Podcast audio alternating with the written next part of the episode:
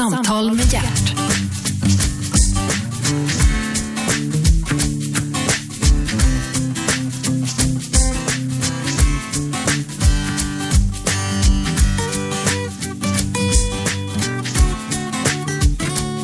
God morgon, hjärtligt välkomna till Radio 1, nya pratradiokanalen där du inte kan höra musik överhuvudtaget hur mycket du än anstränger örontrumpeten.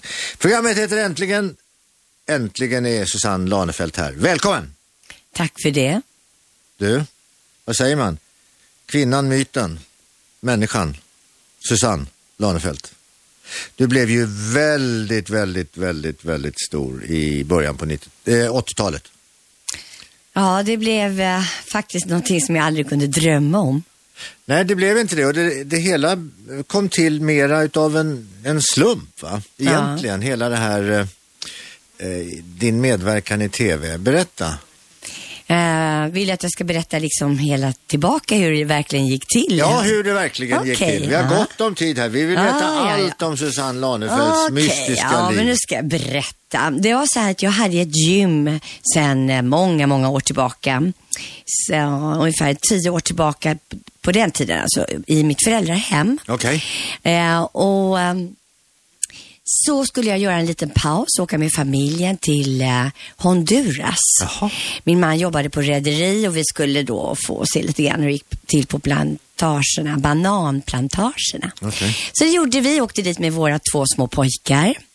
Eh, och sen på vägen tillbaka, så eh, på den här lastbåten, det var 34 män och en kvinna och det var jag. Okej. Eh, och eh, Jane Fonda hade precis blivit populär i USA och jag tyckte det här var spännande. Så jag köpte videos, som det hette på den tiden, Ja. böcker, material, tittade på TVn eh, innan vi for iväg på båten och försökte få in så mycket som möjligt av det som hände over there. Ja. Så i alla fall tränade jag där i, i hytten och testade olika övningar och det här tog väl då 12 dygn tillbaka. Okej. Och när jag kom tillbaka till mina grupper så sa jag, nu ska ni få se på lite nyheter eh, som hänt i världen. Så gick det till. Men så kände jag så här, nej, jag vill ta och blanda lite grann med Jane Fondas övningar och mitt sätt att leda. Ja. Hennes musik, Dunky-Dunk, och mitt lite, lite slagers och lite så här Lite typer. Ja, lite rock och lite sån Ja, typ ja, av musik. Blandningen blev det som sen hette gymping. Och det var då en producent som gick på mina grupper och sa Susanne, det här är något nytt. Det här ska vi sända i tv och vi ska kalla det för gymping. Ja, men det var ett nytt ord. Ja, hon myntade det. Ann-Kristin Gärs hette hon. Och du, men vi, vi var ju Ja. vana, vi, inte vid gymping, men vi hade ju haft träna med tv tidigare med bland annat Bengt Bedrup. Ja, men det var lite annat stuk på. Ja, och nu man- bestämde då Ann-Kristin, Ja. eh, hon bestämde hur vi skulle vara klädda, hon bestämde eh, hur det här skulle se ut. Och eh, jag tänkte väl, ja, ja, ja, det är väl bara att komma ner och filma lite där i pappas källare. Mm. Tänkte jag, men det var inte riktigt så. Utan så satte allt det här igång och hon sa, du måste veta exakt hur många gånger hit och dit, tre kameror som var igång. Ja. Eh, och det blev, och så sa hon, du måste prata också lite grann. Nej, Hej kan du väl säga? Ja, det kan jag. Men sen bara liksom ramlade på ord och jag kände jag hade en stor spegel framför mig. Nu, nu, nu stannar vi upp ett tag. Okej. Du lyssnar på, på Radio 1, Sveriges enda pratradiokanal och nog fan är hon igång och pratar alltid. Susanne Lanefelt, underbart att ha det här. Ja, det kom en massa ord. Gymping fick vi lära oss. Eh, det var ditt program. Det ingick i en serie som heter Härliga söndag om jag inte minns. Ja, det började på TV2 9. Jaha, på TV2. Det vart en lucka där. Okej, Mhm. eh, okej, rätt ska vara rätt. Eh, sen kom det en massa ord. Bland annat så kom ordet knip. Det gjorde det. Och det är jag glad över idag. Mhm. Därför att det är så många gynekologer som hört av sig och tackat för detta ord eh, och tackat för att kvinnorna verkligen gör det. Ja, ordet är ju inte ditt. Det, det är ju ett gammalt ord, knipa. Ja, det är det. Men du kommer att använda det i en, i en eh, ja, på ett sätt som inte tidigare man hade använt ordet knipa. Precis. Och det var faktiskt lite av en slump. Därför att jag tyckte, när jag tittade i spegeln bakåt på gruppen, Mm. så tyckte jag inte att de tog i ordentligt. Och de skulle liksom spänna stjärten och låren så. Och så knipet liksom, ah, liksom hela alltihopa, hela paketet här nere. Ja. Och då blev det här knip in och upp och så. Blev Ja. det. Ja. Du har på något sätt givit inkontinensen ett ansikte kan man Ja, säga. och det är jag glad över. Det är många i Sverige som har slutat läcka. Ja, för att ja, du berättar det, att, och det visste inte jag tidigare när jag började studera detta, att kvinnor eh, kan tyvärr drabbas av eh, så kallat urinläckage redan i ja, 35, 36, 37 års åldern. Kan ha med Mm. Precis är det. barnafödande att göra naturligtvis det där, eller? Självklart. Och genetiskt. Ja. Så det finns lite olika orsaker till den här läckagen. Men att aktivera sina muskler var de än sitter, i det här fallet i bäckenbottenmuskulaturen, så är det självklart att aktiverar du musklerna så blir de spänstigare Mm. och då så blir det ett bättre resultat. Överallt i hela kroppen. Ja. Så alla kvinnor har någonting väldigt fint att tacka Susanne Och Lanefelt för. även männen bör Ja. också knipa och spänna, även om det är på ett lite annorlunda sätt. Och tacka Susanne Lanefelt också för detta. Du, eh, med, med det här, eh, så- ja, jag kommer ihåg det från Härliga Söndag, eh, så kom det här knip, men inte bara det, det kom eh, massa pastellfärgade, färg-tvn hade gjort sitt intrång, eh, massa pastellfärgade eh, kläder också, träningskläder.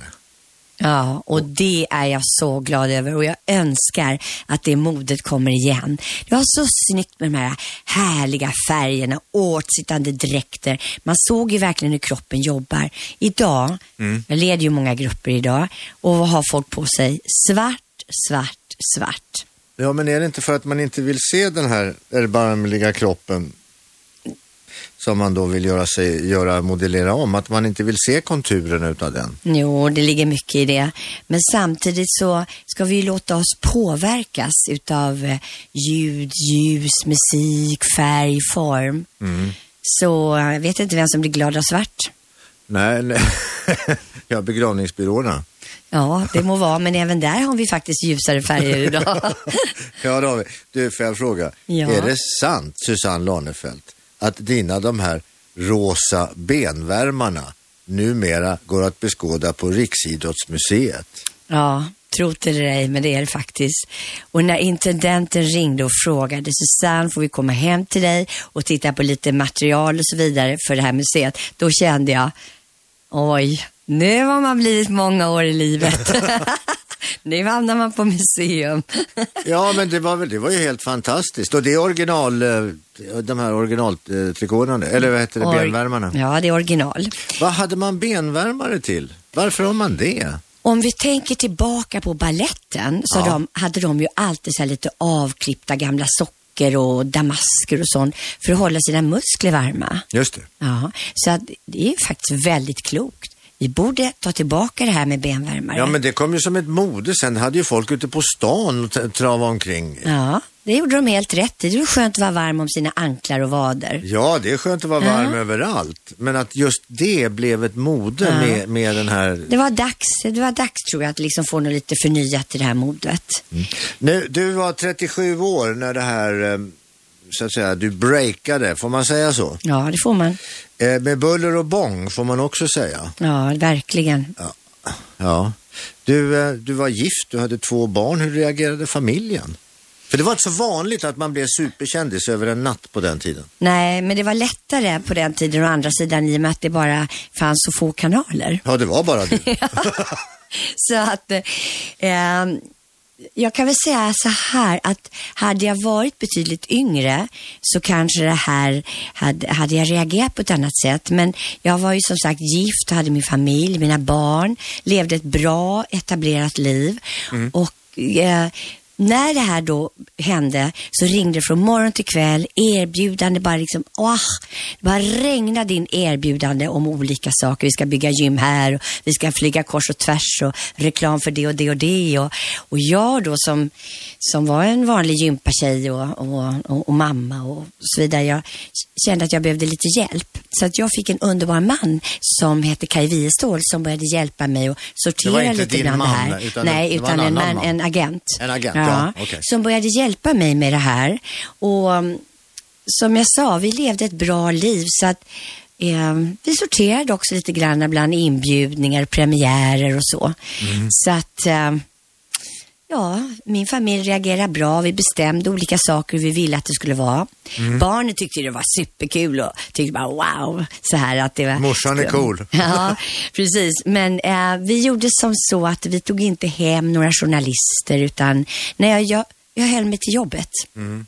Och privatlivet behöll vi för oss själva. Vad tyckte grannarna? Ute på Lidingö. Jag är ute på Lidingö. Ah, Jag, har bott, bott, så, jag har bott hela mitt liv på Lidingö, Ja, kände många. absolut, och, absolut, Så att eh, men- grannarna tyckte väl att, att jag precis som det brukar vara, det var väl Nej, lite mer spännande i Det tyckte kanske. de väl inte? Ja, de sa i alla fall ingenting speciellt De tasslade nog och tisslade nog bakom ryggen på det ska du säga.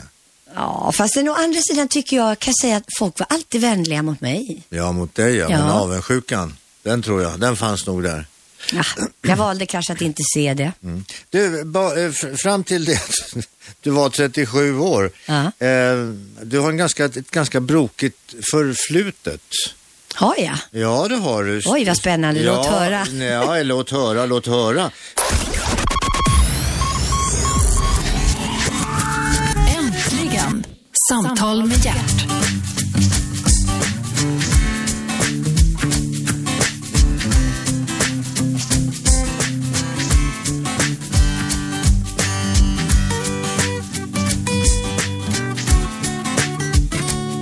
Välkomna tillbaks, Gert Fylking heter jag. Äntligen heter programmet. Stationen som du lyssnar på heter Radio 1, den enda pratradiokanalen. Och äntligen är Susanne Lanefelt här. Ikonen.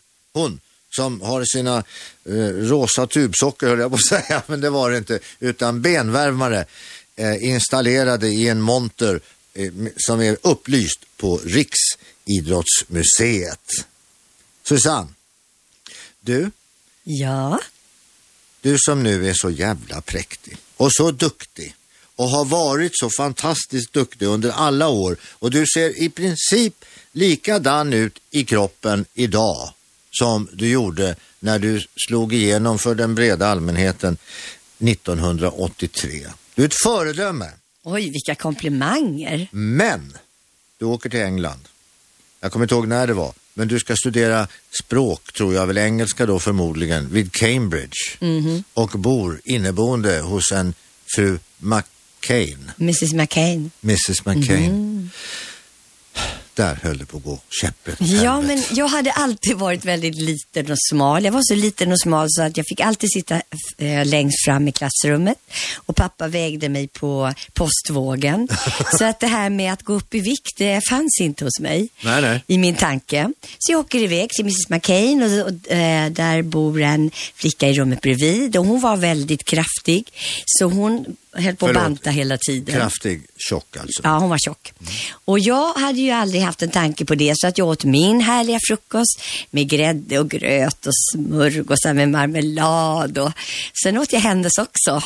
Ehm, och sen så bakade Mrs McCain väldigt mycket. Så när jag kom hem från skolan så åt jag Mrs McCains kakor till hennes stora förtjusning. Ja, så jag mumsade åt och så var det fish and chips och Ja, ja. Ja, det var så mycket gott och puddings och jag åt allt med stor glädje. Och så plötsligt så började det hända saker. Det började välla ut lite här och där. Aha. Och så kom min mamma och pappa på besök. Och så öppnade jag dörren och min mamma sa så här. Min mamma är skytt, alltså i sitt tecken. Hon var väldigt rak i sin eh, framtoning. Okej. Så då sa hon så här. Oj, sa hon. Ut genom dörren kommer julskinka och det var min överarm. Oj, sa jag. Och sen var det bara tvärstopp. Sen var det gurka och skorpor och träna, träna, träna. Och då gick de kilorna ner och Ja, men sen 12 dess... kilo, 12 kilo på tre månader, Ja. eh, det är i alla fall eh, eh, ganska mycket. Ja, det var väldigt mycket. Det är ohälsosamt mycket på kort tid. faktiskt. Absolut, man ska inte hålla på så här. Men så kan det gå när man slarvar med sin kost och slarvar Ja. med sin träning. Men det här var ju innan, innan alla de här bantningsexperterna så att säga hade lagt sitt eh, Damoklessvärd över oss alla här Eh, och talat om för oss att hur vi ska göra och det, följer vi inte det ena så dör vi, följer vi det andra då dör vi lika fullt. Alltså det, det är väldigt mycket saker som vi inte får göra. Inte alls får göra. Ägnar du dig åt någon speciell eh, diet eller? Nej, absolut inte. Då höll jag ju på, skulle banta, hade tänkt och skulle och borde och sen följde det mig upp i åren. Men jag kan säga så här, att jag har inte vägt mig sedan jag var 35. Det är ganska många år sedan. Och jag tänker inte göra det heller. Mm. Och jag- Därför. Jag tror inte att du har gått upp något i vikt nämligen.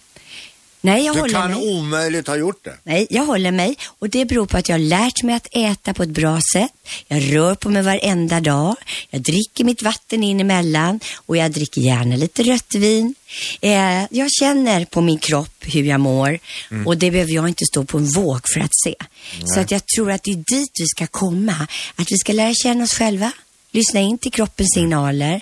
Äta, dansa, gympa, röra på oss, ha flöde. Ha kul. Men är det inte det som egentligen är nyckeln till, till en fysisk hälsa? Det är det här vardags...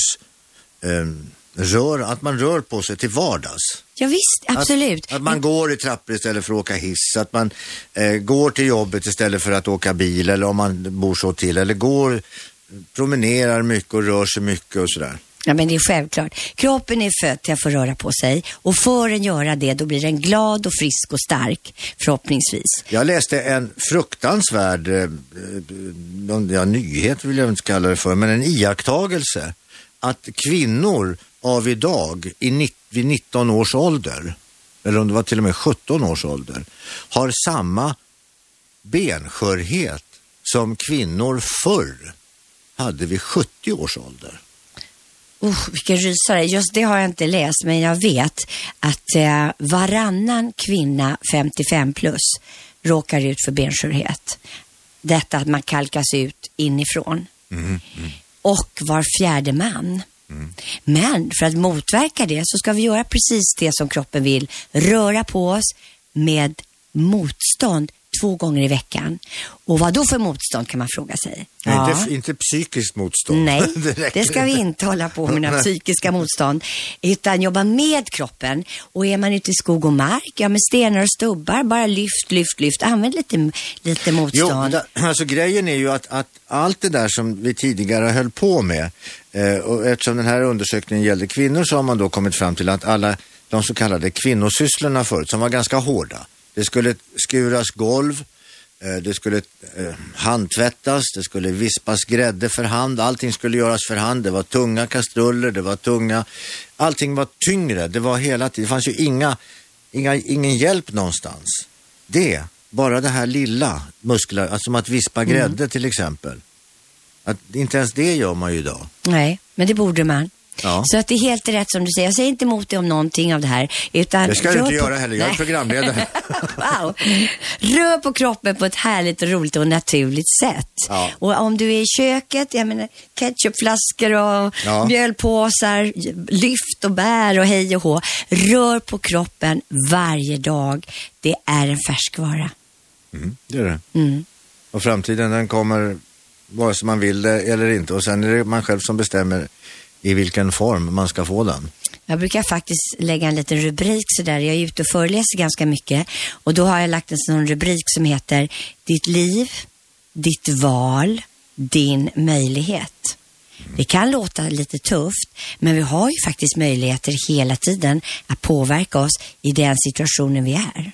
Ja, alltså grejen är ju med det där, och det där har jag funderat kring. Saken är ju den att vi kan ju inte rå för kanske att vi hamnar i en omständighet eller att vi hamnar i under en situation. Men vi kan ju göra, vi kan ju välja hur vi ska ta oss ur den. Men absolut, Det kan vi alltid välja. visst kan vi det. Sen kan vi hamna åt helvete snett på grund av, jag vet inte vad. Men du måste själv välja hur du ska ta dig ur den här situationen. Vill du ha en stark och glad kropp så behöver du röra på dig. Varje dag helst. Så är det. Och vad var det han sa? En sund själ i en sund kropp. Ja. Var Och det det ligger mycket i det. Ja. Visst är det så? Hur, hur var du själv i jumpan i skolan och sådär? Ja, men jag gillade det. Jag hade två ämnen. Det ena var eh, musik och det andra var gymnastik. Det var mina favoritämnen. Och bägge de hade jag eh, väldigt bra i. Litet av faktiskt. Gymnastiken har du ju, ja, litet av det motsvarar i princip MVG det idag. Ja, men jag kan ju säga att det hade jag inte riktigt i de andra ämnena. Nej, det, det skiter vi. Men gymnastiken, den gav ju dig en karriär kan man säga. Ja. Musiken, som du också gillade, den gav dig åtminstone en en platta. En skiva har du givit upp. Ja, det har jag gjort. vi, tar front, vi tar två steg fram och vi tar två steg tillbaka. Det är det där. Jag har inte spelat det på länge. Nej. Jag skulle rappa lite grann, så var det. Mhm. Ja, ja, så att man kan väl säga att du har gjort mycket, mycket mer och lyckats mycket, mycket bättre än väldigt, väldigt många. Äntligen! Samtal med hjärt.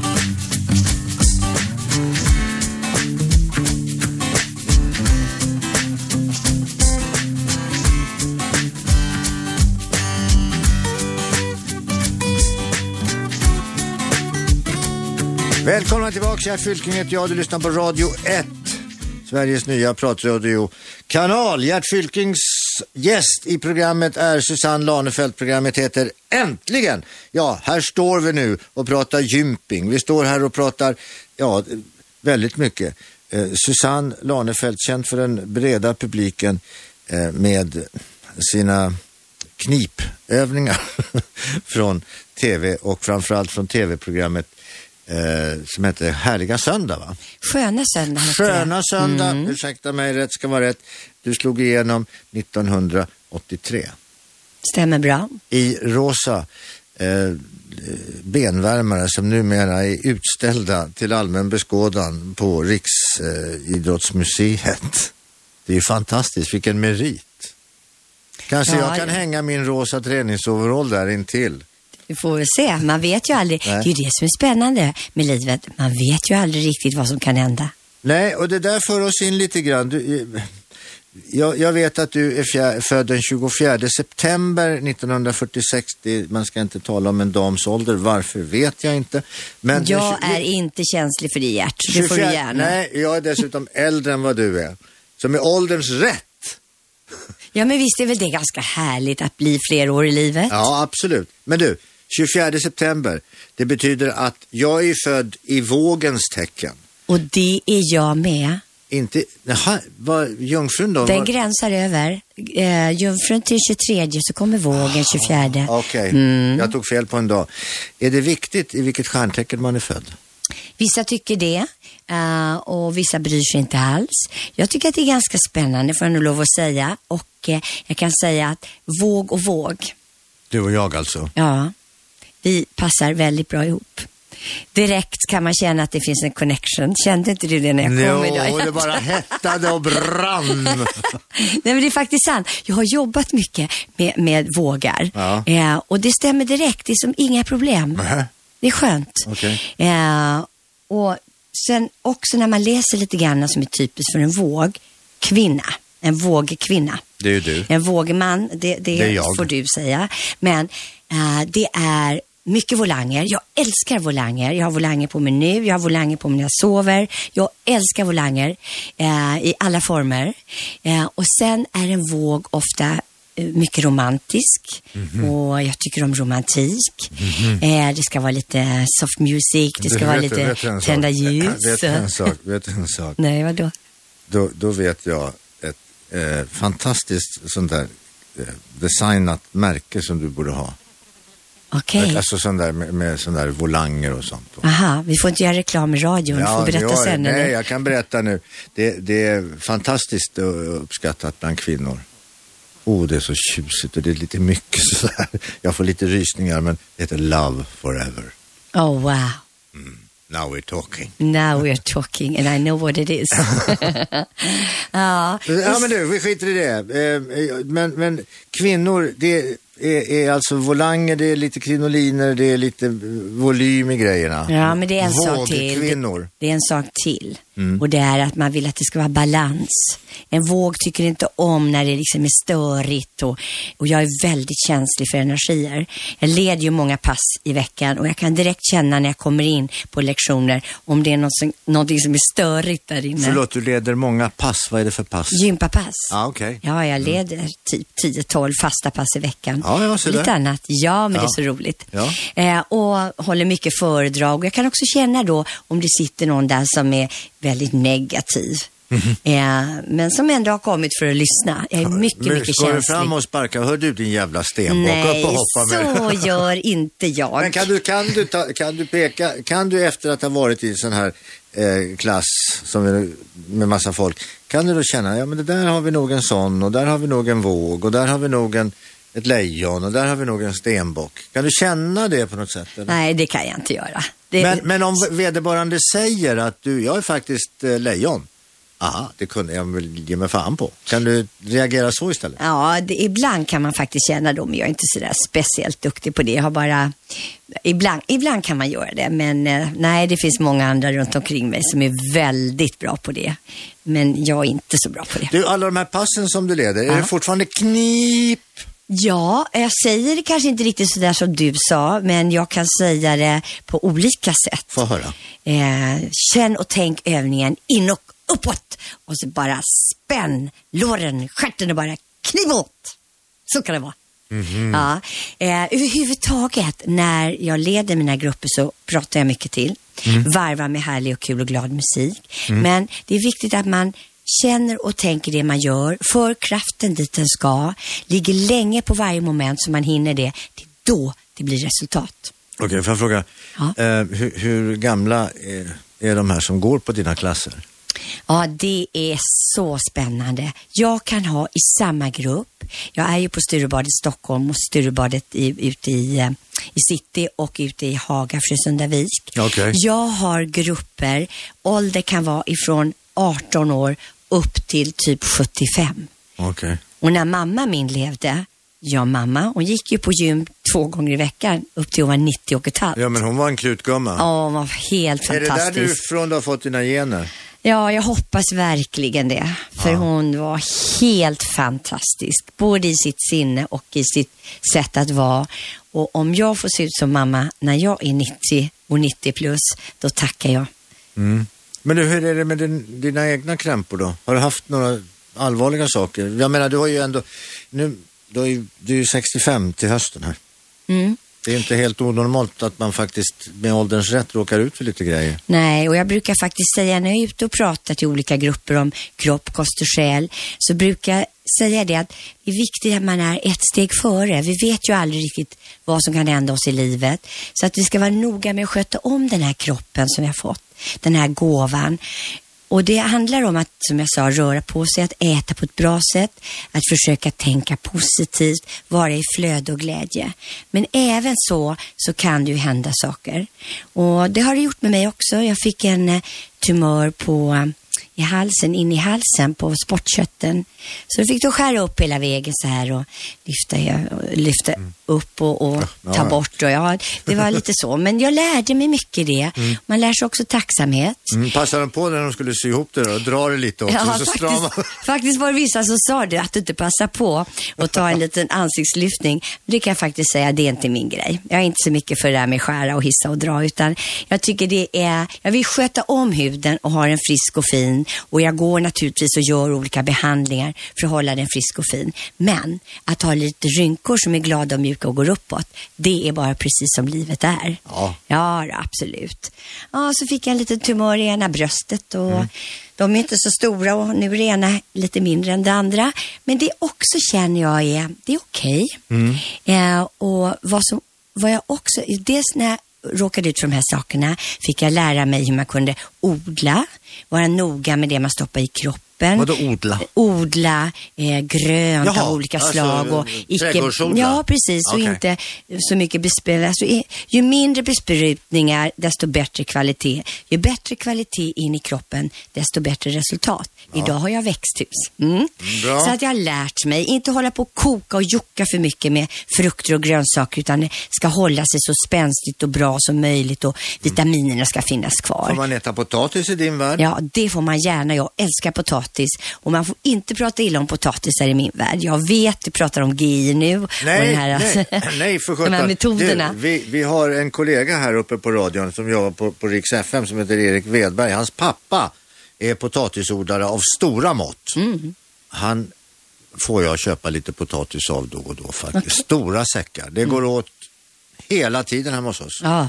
Fantastiskt. Ja, jag älskar potatis i alla olika former och äter det gärna tillsammans med stora högar utav sallad. Ja, och sen till efterrätt så tar Susanne Lanefelt gärna ett stort lass med glass och chokladsås. Jag gjorde det Gert, förr, men jag gör inte det så Jaså? mycket längre. Och jag har faktiskt många gånger förundrat mig över det, för jag kan ju verkligen äta det om jag vill. Mm. Men det är precis som att kroppen ropar inte så mycket efter det längre. Men om den gör det, ja då får den ett stort lass och massor med kolasås eller chokladsås på. Hur var det när, Mm. du var, när du var gravid? Då brukar man ju höra att kvinnor blir liksom helt eh, galna på vissa saker. Hade du några sådana hang-ups? Nej, inte vad jag kan komma ihåg faktiskt. Det Det var- var, det ska vara väl den där glassen då kanske. Ja, det var glassen. Nej, men man hör folk bli tokiga i ostbågar eller de ska ha geléhallon eller... Ja, nej då. Jag kan inte komma ihåg att det var något så speciellt märkvärdigt. Det är ju länge sedan. Nej, jättelänge sedan. Du är ju till och med farmor. Ja, gud vad det är roligt. Alltså det är precis så underbart som man har hört. Och vi får lyckan att vara med våra små barnbarn väldigt mycket. Härligt. Mm. Du, en annan sak. Vi ska kasta oss tillbaka i Susanne Lanefelts spännande liv. Vi ska tillbaka till USA. Där Susanne var simlärare för så kallat fattiga barn. Ja, vilken period. Och det var spännande. Var När, när i tiden befinner vi oss ungefär nu? då, är, då är jag 19. Jag är 19 då när jag åker till USA. Okej, Ja, och på väg att bli 20. Mm. ja det brukar man vara. Ja, det brukar man vara. Men jag var nästan 20 år. Okej. Ja, och vi var 40 lärare som åkte över från Norge, Sverige, Danmark. Och vi åkte över till USA och skulle där på olika camps eh, och lära barn olika saker. Jag var då som sagt simlärare. Hade lärt väldigt mycket militärer här i eh, Stockholm att simma. Militärer från Norrland. Okej. Som inte så badade så mycket varmt vatten kanske där uppe. Hur som helst. Och så blev jag då utvald att åka till USA. Vi fick välja, vill vi komma till camps för fattiga, rika eller medelbarn? Jag tackar att jag fick komma till en camp för fattiga barn. Mestadels puertoricaner. Ja, och de var där i 14 dagar, tre veckor. Dessa ljuvliga, underbara barn med så stor tacksamhet över att få åka iväg på det här. Föräldrarna hade kanske många gånger inte råd, men det betalade då staten. Okej. Och vi gjorde, åh, vi levde ute, vi bodde ute väldigt ofta vid små vattenfall. Vi eh, sjöng mycket tillsammans, vi gjorde glass och det fanns ingen sån elektricitet utan Nej, det nej. gjorde vi för hand och vävade på där. Ja, okej. Det var en, en fantastisk, underbar tid som jag är så tacksam att jag fick uppleva. Hur är det med simkunnigheten idag uppfattar du bland vuxna svenskar? Rika eller fattiga spelar ingen roll. Har jag ingen uppfattning om.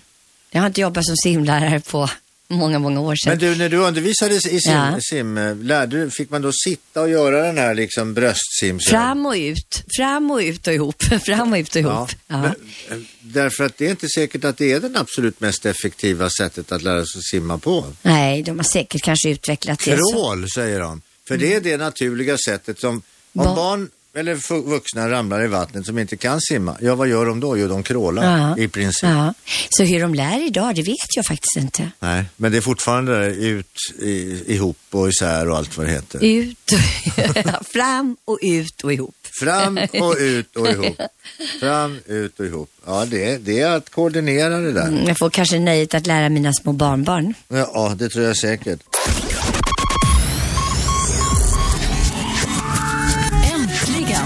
Samtal med hjärt.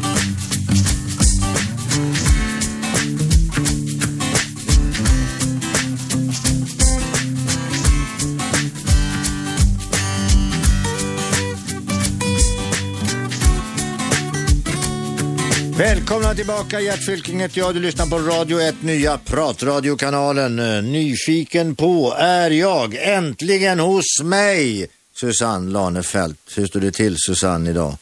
Det står till så bra. Vi, under pausen här så konstaterade både Susanne och jag att det är nyfikenheten är den bästa frukosten.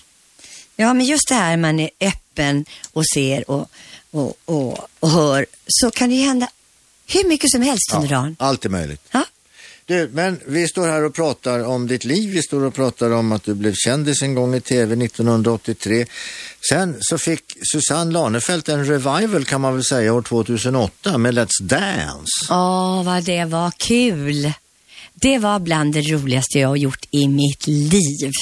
Varenda dag när jag vaknade så bara kände jag wow, nu ska jag gå och dansa fyra timmar med Björn. Och sen ska jag gå två timmar och gympa. Och så ska jag gå ut och gå en timme med Baloo. Och sen ska jag åka hem och äta. Och då var jag så hungrig, så hungrig. Och sen ska jag sova. Och då sover jag som en prinsessa. Och sen upp igen. Och det här är väl på mig i månader. Åh, vilken otroligt underbart rolig dans, period. dans är ju, eh, det är ju naturligtvis, även om den här dansen som ni gör på, på man gör på Let's Dance på TV4, det är ju ingenting som man kanske i och för sig kan applicera sen ute på dansgolvet tillsammans med någon som man inte har dansat med tidigare. För det Vissa mycket- saker, lite jive kan man faktiskt, Ja, lite men- cha-cha. Men det är ju mycket koreografi det ni Ja, gör. precis. Som du och Björn Ja. ägnar er åt. Ja. Hur långt kom du i den där tävlingen? Jag kom inte så värst långt, tyvärr. Jag hade önskat få komma lite längre och hade inte en tanke på att jag skulle åka ut som vi gjorde. Men, så, Vadå, hur åkte ni ut? nej men Var det, här, snöpligt? Det var plötsligt, jag visst gången innan så var vi tvåa Jaha. och två gånger innan det så har vi delad etta. Och så poff så här. Och jag bara oj! Och jag blev så ledsen sen nästa dag. Men så hände det någonting. På måndagen ringde Björn och sa Susanne, vi har blivit anlitade för en turné över hela Sverige tillsammans med Rickard Herrey och Sissi. Vill du hänga på? Det var bara svar Yes! ja. Yes! Så vi turnerade och då kan jag verkligen säga att då började dansen. Det var bara wow att dansa loss. Och då var jag inte så väldigt noga med häl och tå och tåhäl. Då var det bara liksom Nej, go var- for it. det- Känslan fick bara spela ut. Inga stränga domare som Ja, nej, men det var så underbart och faktiskt är det så här att vi blir fortfarande anlitade, Björn och jag, Jaha. för olika evenemang. Jaha, så roligt. förra helgen var vi i Trosa och dansade på en, ett, eh, en fest och gå, två veckor innan det var vi och körde på en konferens. Så att, eh, ja, är det någon som vill köra lite kul dans så bara hör av er. Du, det här med Trosa, det för oss osökt in på ditt smeknamn. Porri. Ja, det är lite speciellt. Jag kallades ju för Pussy när jag var liten. Vi hade eh, någon finsk eh, hembiträde som hjälpte till. Men det är ju nästan Och, eh, sju resor värre att heta Pussy. Ja, men- Åtminstone om man kommer över till England Ja, eller men det är ingen som vet, så behöver inte säga. Och jag har ju aldrig vetat det i hela mitt liv. Så att eh, Pussy, det tyckte jag lät lite sådär gulligt. Ja. Ja, så blev det bara. Och sen vart det Purri. Och det låter ju lite annorlunda, men tänkte inte jag så mycket på heller. Eh, men däremot när det blev lite my- mycket med gymping och officiellt så, då tänkte jag Porri, det låter nog lite märkligt för många. Så att, ja, då blev det mer Susanne. Okej, men det finns fortfarande folk som, eller människor i din omgivning, nära vänner som kallar dig för Porri? Ja, oh ja. Alla som i princip kände mig eh, innan gympingen eh, blev officiell, de kallar mig för Puri. Och de som har lärt känna mig eh, när gympingen startade, de kallar mig oftast för Susanne. När, när bytte du från Pussy till Porri? Det vet jag inte, för jag var så liten då. Okej, ja ja. Eh, du, du, du har en hund också, eller ni har e- en hund, ni har haft många hundar. Ja, vi, har alltid, vi har alltid hundar. Vi har alltid eh, Flat, eh, flat coated retriever. Ja, underbara hundar. Ja. Passar i vår familj. Okej. Alla i vår familj är väldigt aktiva och det är ju flat coated retriever också. De behöver mycket fysisk aktivitet för att de ska må riktigt bra. Du, vi har en collie, alltså en, Ja. en vanlig sån lassie-collie. Ja, det hade jag när jag växte upp. Fast Underbara Vår, hundar. våran heter Lasse. Ja, våran hette faktiskt Lassie. Jaha, ja, men- ja. ja, ja, men våran är en, en hanhund så att han fick heta Lasse istället så han skulle slippa skämmas. Du, eh, och honom är du ute mycket med förstås och Ja, nu har, vi en, eh, nu har vi en som heter Baloo. Det är en stor kille på 45 kilo muskler. Åh, fy fasiken, ja. Mhm. Glad och härlig. Så eh, det är underbart. Jag verkligen älskar att ha hund, alltid. Det är en men trygghet, det, är glädje. Ja, men det är det. ett sällskap. Ja. Det är ett fantastiskt sällskap. Och tänk att ha någon som alltid är glad när man kommer hem. Jag brukar faktiskt tänka många gånger så här med folk som har hundar. De är, ja, de är ofta mycket sympatiska. Mm, de har en till att ta hand om. Det är så. Ja. Du, eh, och sen har vi det här med, med segelbåt. Ja, nu har vi ingen segelbåt längre, men vi hade det. Eh, många, många, många år hade vi segelbåt och eh, min man Claes, han älskar att segla.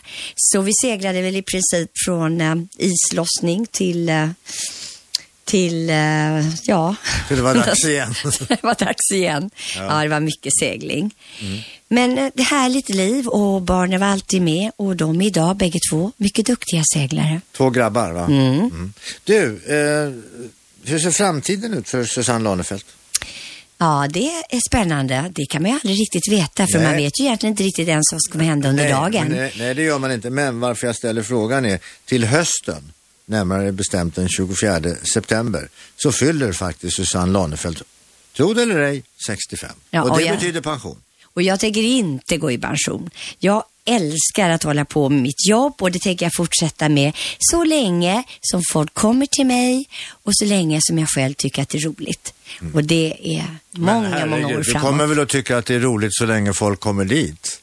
Eller? I hope so. ja. Nej, men de kommer ju, människor kommer ju till dig för att träffa dig, för att få en trevlig stund, för att få ta del av din livsfilosofi, skratta och jobba och få ut någonting ur, ur det. Det är väl det de kommer till dig för.